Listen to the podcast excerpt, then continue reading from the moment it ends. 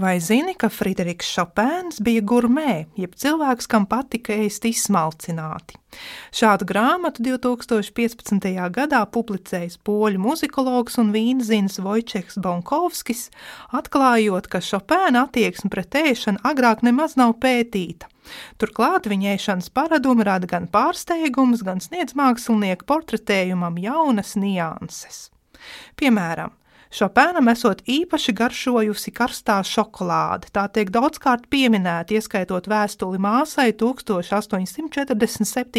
gadā, citēju. Mana šokolāde nāk no Bordeaux, kur tā tiek speciāli man pagatavota, bez aromatizētāja. To rada privāta firma, kas pieder kāda man uzticīga skolnieka brālēnam, un šī šokolāde man tiek piegādāta. Citāta beigas. Zināms, ka visur, kur komponists vien viesojies Francijā un Lielbritānijā 1848. gadā, saimnieki viņam esot pienācīgi nodrošinājuši tasīti karstās šokolādes.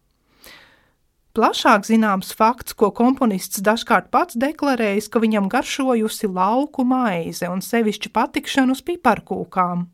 1825. gadā, 15 gadu vecumā, Šopēns rakstījis savam draugam no Toruņas, Polijā, senas Hanzas pilsētas, kam labi saglabājusies gotiskā vecpilsētu un aizsardzības mūri, citēju.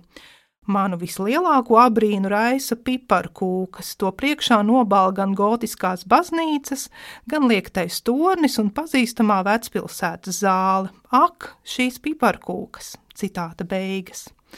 Tādējādi jau kopš pusauģu gadiem Šopēns dievinājis piparkūks un vienmēr iegriezies veikalos, kur pārdev šo našķi. Šopēna ierašanās Parīzē bija ne tikai viņa dzīves būtiskākais pavērsiens, bet nozīmēja arī pilnīgu gastronomiskās ainas izmaiņu.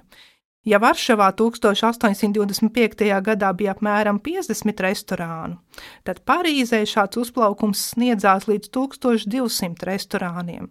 Tam vēl jāpieskaita kafejnīcas, kas kļuva par intelektuālās dzīves centriem, mudinot rakstniekus un māksliniekus pulcēties pie kafijas krūzes vai vīna karafes. Šopēns savās vēstulēs diemžēl nemin konkrētus Parīzes restorānus vai kafejnīcas. Viņš runā par privātiem saloniem, kuros vakariņoja. Saviesīgās vakariņas sākās pulkstenes sešos, sekoja trīs vai četri ēdienu piedāvājumi, tad notika kafijas vai tējas dzeršana, un tikai tad sākās koncerts vai literārais lasījums. Papildināts ar kādiem dzērieniem, vakars noslēdzās ap pulksten 11. Jāatzīmē, ka Šopēns esot apmeklējis restorānus, bet tikai pašus modīgākos, kurus izvēlējies tikpat izveicīgi kā savu apģērbu vai dzīvokļus. 1838. un 39. gada ziemu Šopēns pavadīja Maļorkā un ēda eksotiskos lokālos ēdienus - kāpostus ar rozīnēm un priekstiem, trusi ar gliemežiem, zuti ar spinātiem, bet galvenokārt cūgaļu.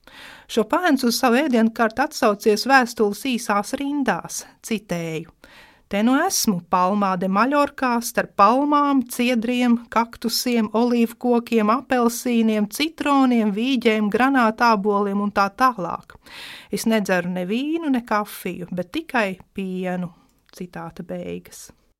Atšķirībā no sava partnera Žorža Sanda par Maļorkas gastronomiskajām iezīmēm atstājusi daudz izvērstāku raksturojumu, bet šoreiz mūsu stāsts ir par Šopēnu. Un vēstures liecības pierāda, ka viņš bijis laba ēdienu un vīna pazinējs un cienītājs. Citādi viņš nebūtu lūdzis draugiem sūtīt viņam Bordeaux un Tokai vīnu pudeles.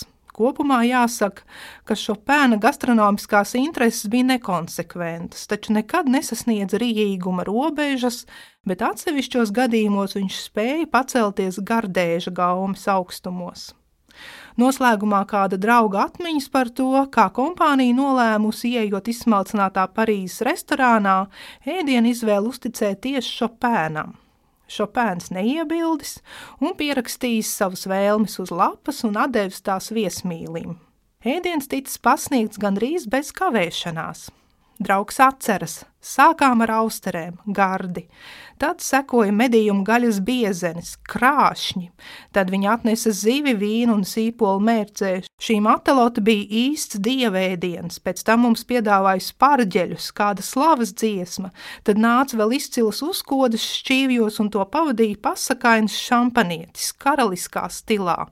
Ar cigāriem mutē mēs pēcāk devāmies uz Grand Café Tortoni. Citāta beigas. Atceroties pieminēto prieku par svaigu maizi un piparkūkām jaunībā, Šopēna ēdienkarte brieduma gados nonāk līdz austerēm un šampanietim smalkā Parīzes restorānā. Bet tāda arī ir viņa tā smalki saucamā garšas biogrāfija, kas līdzās viņa mūziķa karjerai patiesi atspoguļo arī dzīves sociālo trajektoriju.